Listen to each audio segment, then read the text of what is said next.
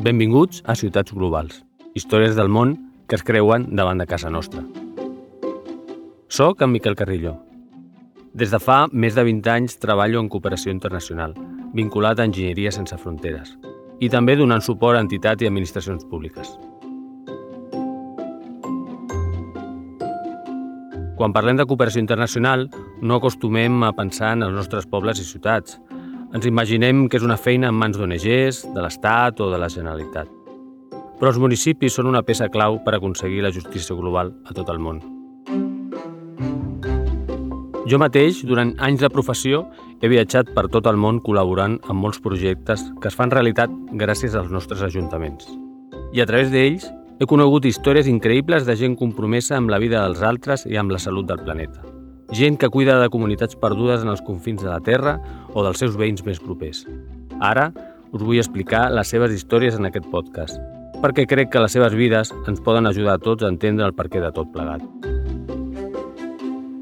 Això és Ciutats Globals.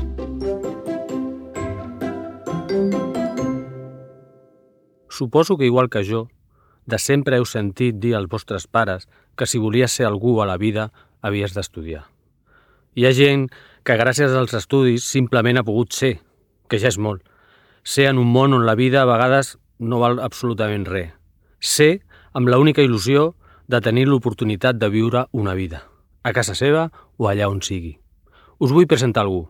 Sí, vale. Eh, començo de nou. Eh, soc Leli, tinc 23 anys, eh, soc de Síria. Eh, vaig créixer en un poble molt petit de la costa de Síria. Vaig estar-hi fins als 19 anys. I fins als 19 anys, l'Eli va portar una vida normal de poble, entre la platja i les muntanyes. La Mediterrània és tan semblant a tot arreu, oi? És la petita de cinc germans, la mimada, la que no parava mai quieta. Bueno, anava amb els nens i les nenes del poble a jugar a futbol, a, a recollir coses del, del camp i, i a l'època de recollir els uh, oliveres també anava amb la meva família, amb els meus germans, i interrompia quan treballaven i molestava una mica també. I hi havia uns arbres molt alts i m'agradava com pujar als arbres i recollir les frutes i així perquè era molt petita i molt activa. Em deien, Eli, avui et toca pujar a l'arbre perquè vam a berenar eh, eh, fruits, no? I jo molt contenta, eh, molt contenta perquè sentia que era molt útil. Ah, i ara la meva família vol que jo faci alguna cosa perquè era molt pe petita i ningú confiava en mi, no? Perquè era petita i quan em, em pedien alguna cosa jo estava molt contenta perquè mm, sentia que ja, ja estic com gran, no? I segur que les fruites que collia us sonen, perquè fan olor de primavera, d'estiu i de mediterrani. Eh, Naix braç i eh, taronja, eh, granada, eh, també mm, el parcocs també teníem molts arbres de, una de eh, paricocs molt al costat de casa i molts taronges i, i mandarines també. En, en veritat, eh, eh, Síria i Catalunya tenen la mateixa mateixa naturalesa, o sigui, hi ha molt poca diferència amb la naturalesa, amb el temps, amb el tot, amb tot. L'Eli es porta 14 anys amb el seu germà més gran, així que a poc a poc la casa es va anar buidant. El seu poble és perfecte per a una infància feliç, en plena natura. Però a Síria, com a tot arreu, les oportunitats pels joves estan a la ciutat com eren molts grans, doncs, a un li va tocar anar a la universitat, a l'altre anar a l'exèrcit, i clar, la mare això ni agrada, no li agradava perquè volia que els seus fills estiguin al seu costat no? i estar sempre ella vigilant els, i anaven de casa i tornaven cada cap de setmana o cada un mes o cada dues setmanes o sigui, tampoc era molt, molt dur. I jo volia que estiguin amb mi tot, tot tot arreu per, per ajudar-me a fer els deures, però van començar les dificultats i, i no podien venir molt, no?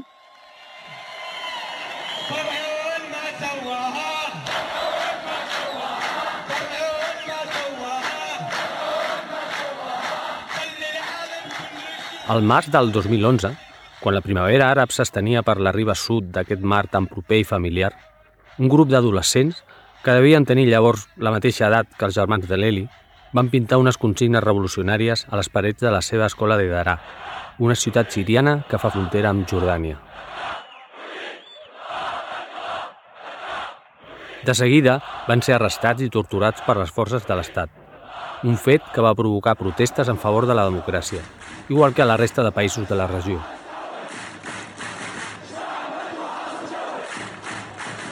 El 15 de març, les forces de seguretat van obrir foc contra manifestacions pacífiques a Damasc i Alep.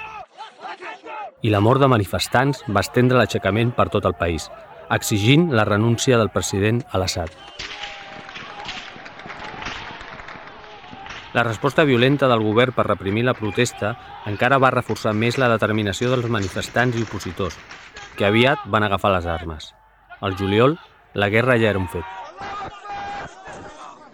quan va començar la guerra tenia com 12 anys o 11 anys i la vida va començar a complicar-se una mica. Mm, veia les notícies de la tele, però com va començar en una zona que era bastant lluny de casa, els nens sempre passen de tot i senten una mica preocupats, però en seguida passa això que senten, no? I també vaig dedicar molts temps a l'estudi. Estudiava molt fin, fin, des de petita. L'Eli encara no ho sabia, però precisament refugiar-se en els seus estudis li acabaria marcant la vida.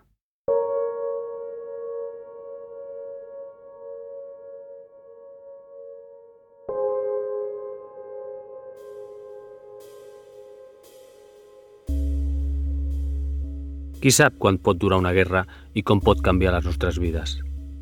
Recordo que aquell estiu viatjava amb un company per la frontera turca amb Síria i el conflicte era una remor llunyana de la que no sabíem gaire i que ens aconsellava no aproximar-nos per no complicar les nostres vacances. Les potències internacionals tampoc van fer massa cas a una revolta interna, que esperaven acabés tard o d'hora. Però l'Assad, a poc a poc, va perdre el control del país, convertit en un mosaic a mans de l'ISIS, els kurds i de moltes altres faccions. Uns quants mesos després d'aquelles primeres manifestacions, el règim només retenia parcialment Damasc i una franja de terra davant el mar, just on vivia l'Eli i la seva família.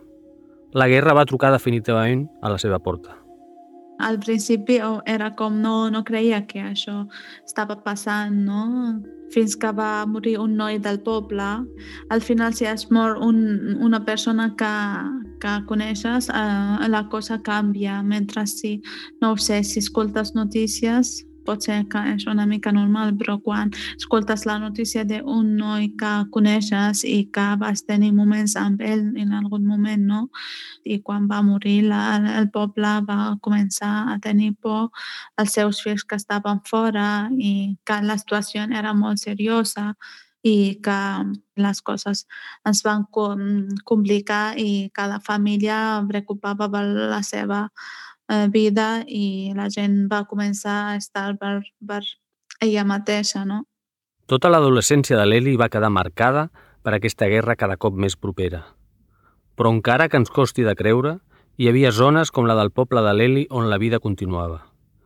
Després de set anys de guerra, aquella nena que grimpava pels arbres ja tenia 18 anys i començava a estudiar medicina en una ciutat de la seva província. Quan vaig començar a anar a la facultat i la facultat va, van posar una bomba molt gran i va morir molts estudiants i vaig buscant, vaig posar, mm, recordo que buscava fotos de la gent que va morir per veure si coneixia algú, no? Aquella bomba va esclatar prop de Setmana Santa. L'explosió va destruir l'estació on l'Eli agafava cada dia l'autobús. Per sort, aquella setmana no tenia cap classe important i havia decidit quedar-se estudiant al seu poble. A partir d'aquell moment, la família de l'Eli comença a veure que la petita ja no està segura a casa. I un dels seus germans, que ja havia marxat de Síria, troba una possible sortida.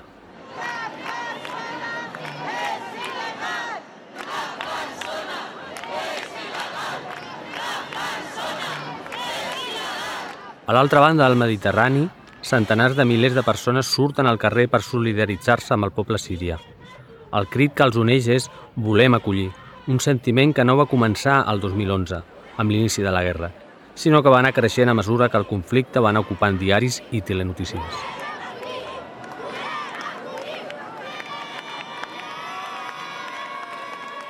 És veritat que el 2015 hi ha un, un moment important a l'estiu, que són aquesta explosió mediàtica d'imatges, però la imatge aquesta dels camins, aquests camins rectes amb, amb, amb columnes de persones avançant, amb, amb, amb eh, homes, dones, nens, grans, joves, amb, amb, amb maletes, amb, amb trastos, amb coses.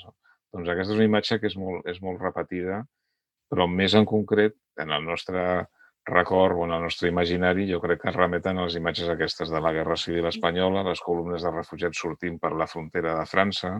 Jo crec que això és una cosa compartida. I tot plegat, doncs, interpel·la, no? I també interpel·la la reacció dels països europeus, que és una reacció mm, tímida, pobra, poc solidària. Ell és en Xavi López, director de la Fundació Solidaritat de la Universitat de Barcelona. En un moment en què la política europea dona l'esquena al conflicte, la societat civil catalana està mobilitzada i reclama solucions. I és aquí on la UB decideix ocupar el seu rol. Jo personalment sempre he pensat que la universitat, més enllà de, de ser un, un, un espai de, unes parets dins de les quals es fa formació i recerca, és la universitat com a institució és un actor social molt potent. Jo recordo un dels rectors que he conegut de la Universitat de Barcelona, l'Antoni Caparrós, que, que en alguna ocasió havia dit que la universitat no és una acadèmia, una acadèmia en el sentit de una acadèmia que imparteix classes de tal hora a tal hora i, i ja està. És, és més que això, és una institució important dins de la societat i, per tant, doncs, ha d'assumir aquesta responsabilitat. I també en el món de la cooperació. La UB i la resta d'universitats catalanes han estat com aquella escola de Darà, on els adolescents sirians feien grafitis reclamant més democràcia. Vull dir que és alguna cosa més que quatre parets plenes de pupitres on seguir lliçons. Des d'elles han sorgit iniciatives per educar en valors o per impulsar els drets humans arreu del món, a través de projectes de cooperació que han aconseguit implicar el seu alumnat, el professorat i el personal administratiu que hi treballa. La UB, en particular, va iniciar la seva trajectòria en projectes amb persones refugiades durant la guerra a l'antiga Iugoslàvia, als anys 90. La universitat va ser molt activa en el cas de les guerres dels Balcans, acollint refugiats, eh, enviant convois de solidaritat, mm, ajudant a les universitats que estaven en, en risc de ser destruïdes o que eren destruïdes doncs, a seguir funcionant. Per tant, i a partir de, de, i en relació amb tot això i a partir d'aquestes coses, doncs, doncs ha sigut un continu. Per tant, hi ha una tradició molt forta dins de la universitat de, de treball en aquestes qüestions i a través de molts dels seus actors, eh, els departaments, professors individuals, per suposat estudiants, i per tant, doncs, eh, aquesta part de la funció de la universitat existeix. I el Xavi ha sigut una de les persones clau en l'aposta a la Universitat de Barcelona per ser una institució inclusiva i solidària. Com ell mateix m'ha dit en alguna ocasió, la millor assignatura que va fer durant la seva carrera d'econòmiques va ser formar part de les associacions d'estudiants. Era una època convulsa, de final de la transició, amb el cop d'estat del 23F molt recent.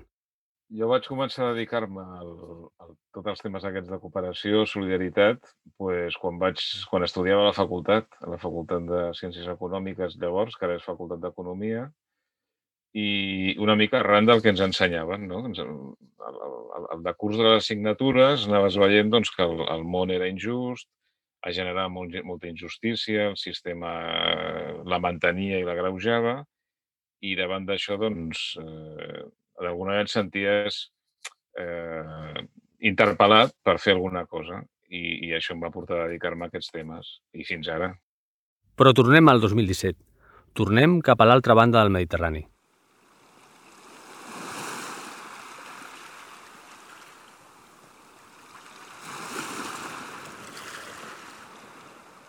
La família de l'Eli ja ha pres una decisió. La petita ha de marxar del país. La bomba de la seva facultat és la prova definitiva de que no la poden protegir com abans. En poc temps aconsegueixen trobar una via de sortida va ser molt difícil perquè no sabia on anava, sí que sabia una mica, però tampoc sabia quan eh, tornava i era la primera vegada que deixo la casa i tothom era molt trist perquè jo era la més petita i la més alegre i donava molta vida a tothom, no?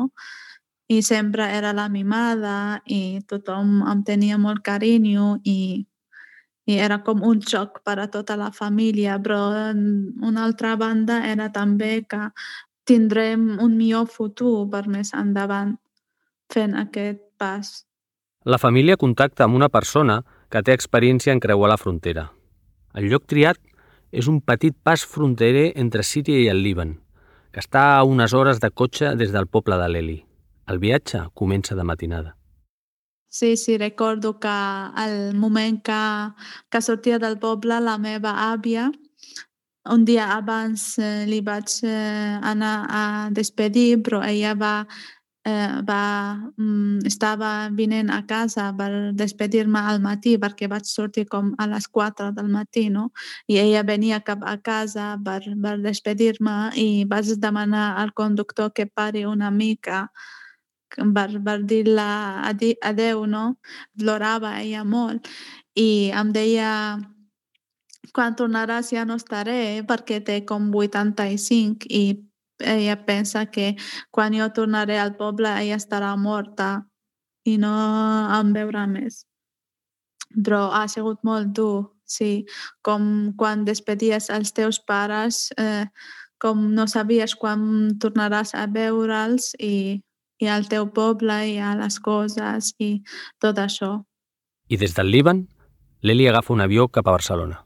Vaig arribar el dia 6 de setembre de 2017 i quan ja tot estava fet eh, vaig començar a dar-me compte de que ja s'ha acabat, ja no puc tornar arrere, no?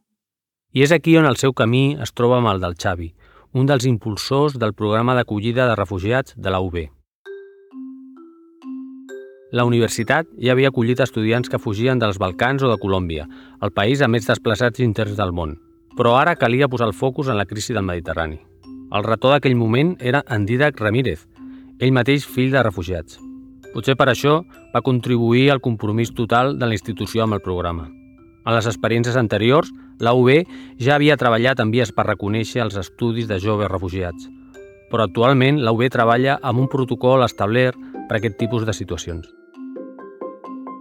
Els joves en edat universitària, en el cas dels homes, per exemple, doncs són els joves que són cridats a anar a l'exèrcit, a, a la guerra, no? i la seva única possibilitat d'escapar d'això, en molts casos, és sortir a estudiar a l'estranger. I d'aquí va sortir una mica la idea que és la matriu del programa, que és la creació d'un curs que permet a estudiants, a joves de països eh, en conflicte, demanar un visat d'estudis per fer un curs d'extensió universitària que havien de transició a la universitat. Aleshores, aquest curs es va posar en marxa l'any 2016, la primera edició, hi han hagut tres des de llavors, eh, i ha permès que vinguin eh, fins ara 45 persones, nois i noies, que estaven amenaçades d'alguna manera en els seus països, o països d'origen, o països de, de primera acollida, o països de trànsit, i, i aquí tenen un entorn segur, o han tingut un entorn segur, que és al final l'objectiu d'això, permetre a les persones que tinguin un horitzó de vida i puguin fer la seva vida, desenvolupar les seves capacitats sense estar patint per si els maten, els torturen, els detenen o, o qualsevol altra cosa. Que és algú a, a, a, a, a la qual tothom hauria de tenir dret. Aquest curs de transició és el que l'ACNUR, l'alt comissionat de les Nacions Unides pels Refugiats defineix com una via alternativa, segura i complementària de refugi. El curs només és el punt de partida, que permet que els joves arribin amb una documentació en regla, encara que no tinguin documents que certifiquin els seus estudis universitaris anteriors. Inicialment, la UB també els ofereix allotjament i manutenció. Bueno, que facilitaven tot, tot saps? Que el tema de papers també, o sigui, ho feien tot i estaven amb nosaltres en cada pas i ens cuidaven molt i això no era gaire fàcil per ells perquè érem molts estudiants i cadascú tenia les seves necessitats i ells ho feien molt bé. Encara que al principi era molt difícil adaptar-me, integrar-me aquí perquè tampoc parlava l'idioma, tot era diferent. Em va costar una mica també entrar a la universitat, estudiar el que volia i jo era de la primera promoció que vam fer aquest programa, així que era algo nou per mi i per ells. Eh, nosaltres el que hem buscat, o sigui, hem fet un itinerari, diguem, de, que va des de l'acollida a l'arribada, que és un moment molt, molt sensible, per dir-ho així, però aquest, eh, hi ha un procés de, de guanyar autonomia que passa per deixar el col·legi major, que és un entorn de, anem a dir, de, de, de més seguretat o més confort, o digueu-li com vulgueu, i passar ja a una vida més autònoma. Llavors aquí sí que hi ha hagut una implicació molt forta del, a nivell municipal dels ajuntaments que han col·laborat perquè han facilitat que hi hagués, que poguéssim disposar de pisos on poder fer la segona fase d'aquest programa, que és que les persones continuen estudiant, però guanyen autonomia i de manera que al final acabin, arriba un moment que acabin eh, bueno, funcionant pel seu compte sense necessitat de suport per part nostra. Un cop més, davant de la passivitat dels estats i de les grans administracions, són les institucions més properes als ciutadans i a la realitat del dia a dia els que decideixen fer alguna cosa. El 2017, només la UB, amb el suport d'un grapat de municipis catalans, ja havia acollit més persones refugiades que el propi estat espanyol o la Generalitat. El cas del refugi és molt clar. Hi ha, hi ha unes administracions competents per, per, per, per normativa, que són l'Estat i, i els governs eh, autonòmics.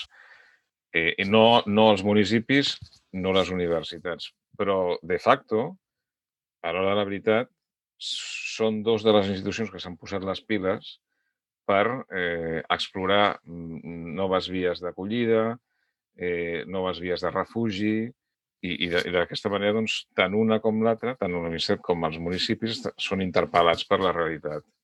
Digues, sense l'aportació dels ajuntaments, el problema no existiria. Això està clar. I, igual que no existiria sense la, el compromís de la universitat. I jo crec que és profitós, també perquè són dos mons que aporten coses cadascun que l'altre no té, però que són complementàries. Actualment, el programa compta amb el suport de l'Ajuntament de Barcelona, que financia el curs de transició dels estudiants, i de l'Hospitalet de Llobregat i Viladecans, que contribueixen amb allotjament i manutenció pels estudiants que ja poden adquirir més autonomia. Els serveis municipals fan, a més, un seguiment d'aquestes persones per facilitar la seva integració perquè tot i l'ajuda no és fàcil fugir d'una guerra i començar de nou. Però l'Eli no s'atrevia a explicar-ho a la seva família. Bueno, parlava amb ells molts, mm, no? Uh, sí, i, i sempre deia que estava bé, que encara que no estava del tot bé, però no volia que em preocupaven de mi, però deia que tot estava molt, molt bé, que estic molt contenta, que aquí tot és molt bonic aunque la veritat no era així i pateixia una mica al principi, però després ja, ja em va anar i vaig acostumbrar a, viure, a viure aquí a tot. I, I parlo amb la meva família cada dia, o sigui, cada dos dies. A vegades no hi ha gaire electricitat o internet, doncs parlo cada tres dies o així. Fins que vaig entrar a la facultat ja no tenia temps per sentir res. Només eh, estava ocupada amb, amb avançar, estudiar i, i sacar el màxim profit. Hi ha persones que fan molt fàcil qualsevol cosa i l'Eli és una d'aquestes perquè eh, té una, té una diguem, simpatia o, o empatia innata i llavors eh, és, és molt fàcil parlar amb ella i, i, i resoldre qüestions. Molt. Perquè és una persona amb moltíssima capacitat no hi ha capacitat acadèmica només, sinó capacitat de, de, de llegir el món, de llegir les coses que passen i d'interpretar-les. I, a més a més, també de transmetre-les. I, això, i això és, és, és fantàstic, no? És, és, eh, és, és molt enriquidor, és molt enriquidor. Per, per, per nosaltres, per suposat. Clar, jo estudiava molt, sempre sacava bones notes i em va sortir. Jo volia estudiar odontologia perquè pensava que eh, les dents és una cosa molt important, la somrisa de la gent és una cosa molt important, molt important i si podia fer millors somrises, per què no?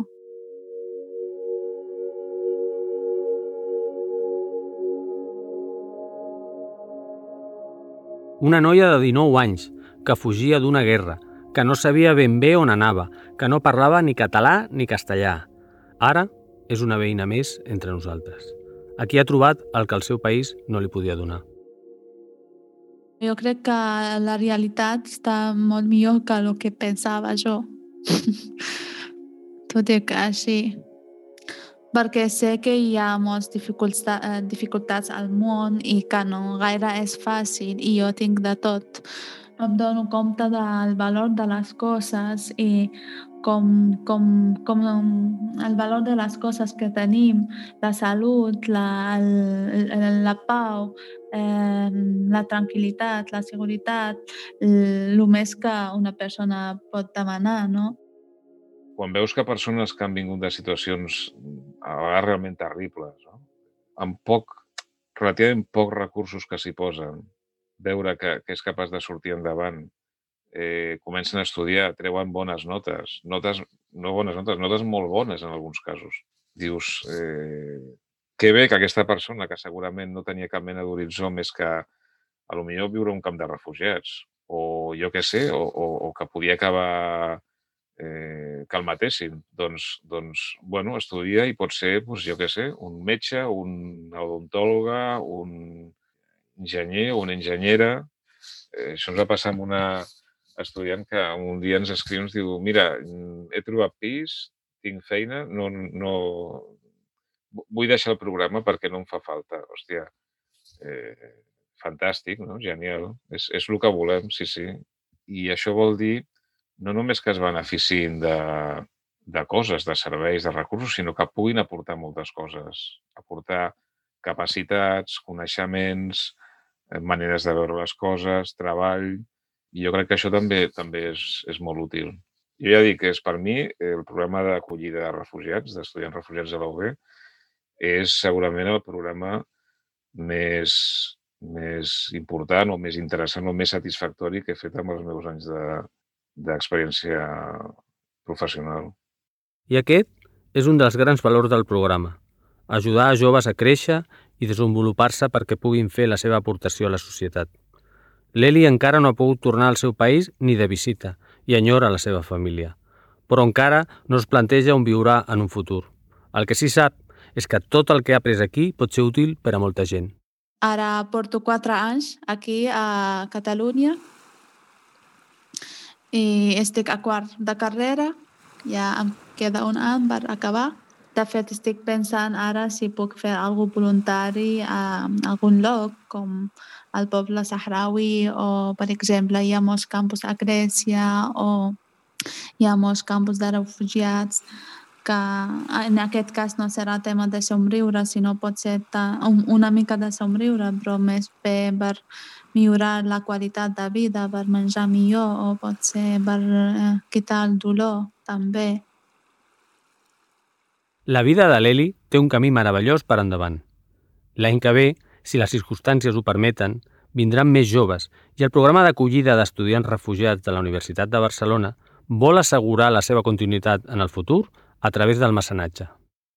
I per nosaltres realment seria molt important que persones institucions poguessin, poguessin contribuir perquè seria una manera, al final, d'assegurar que les persones que han vingut poden arribar a, a, a retornar als seus països o a insertar-se a la nostra societat i també perquè puguem mantenir aquesta via de, de refugi oberta per persones que, que, que ho segueixen necessitant. Recordem que any rere any augmenta el número de refugiats al món, que el percentatge de persones refugiades que accedeixen als estudis universitaris és infinitament inferior a la mitjana de la resta de, de, de joves del món i que poder estudiar en una universitat com la Universitat de Barcelona és objectivament una via de, de refugi, vol dir de, de a vegades de salvar la vida per persones que d'altra manera o joves que d'altra manera no, no la, la tenen en risc greu de, de,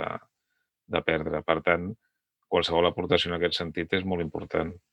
Quan les institucions públiques tenen voluntat de canviar les coses, sempre troben la manera. És important no perdre això de vista, perquè la burocràcia que nosaltres mateixos construïm no pot frenar el nostre avenç com a societats, ni pot ser una excusa per deixar de fer allò que és just i necessari.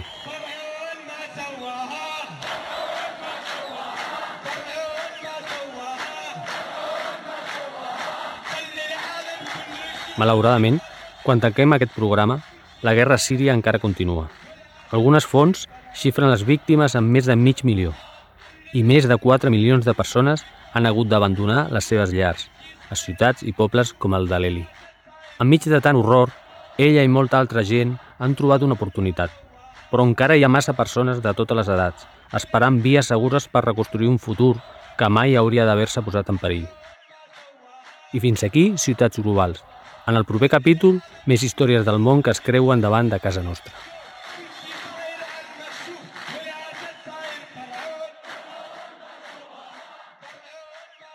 Ciutats Globals és possible gràcies al Fons Català de Cooperació al Desenvolupament.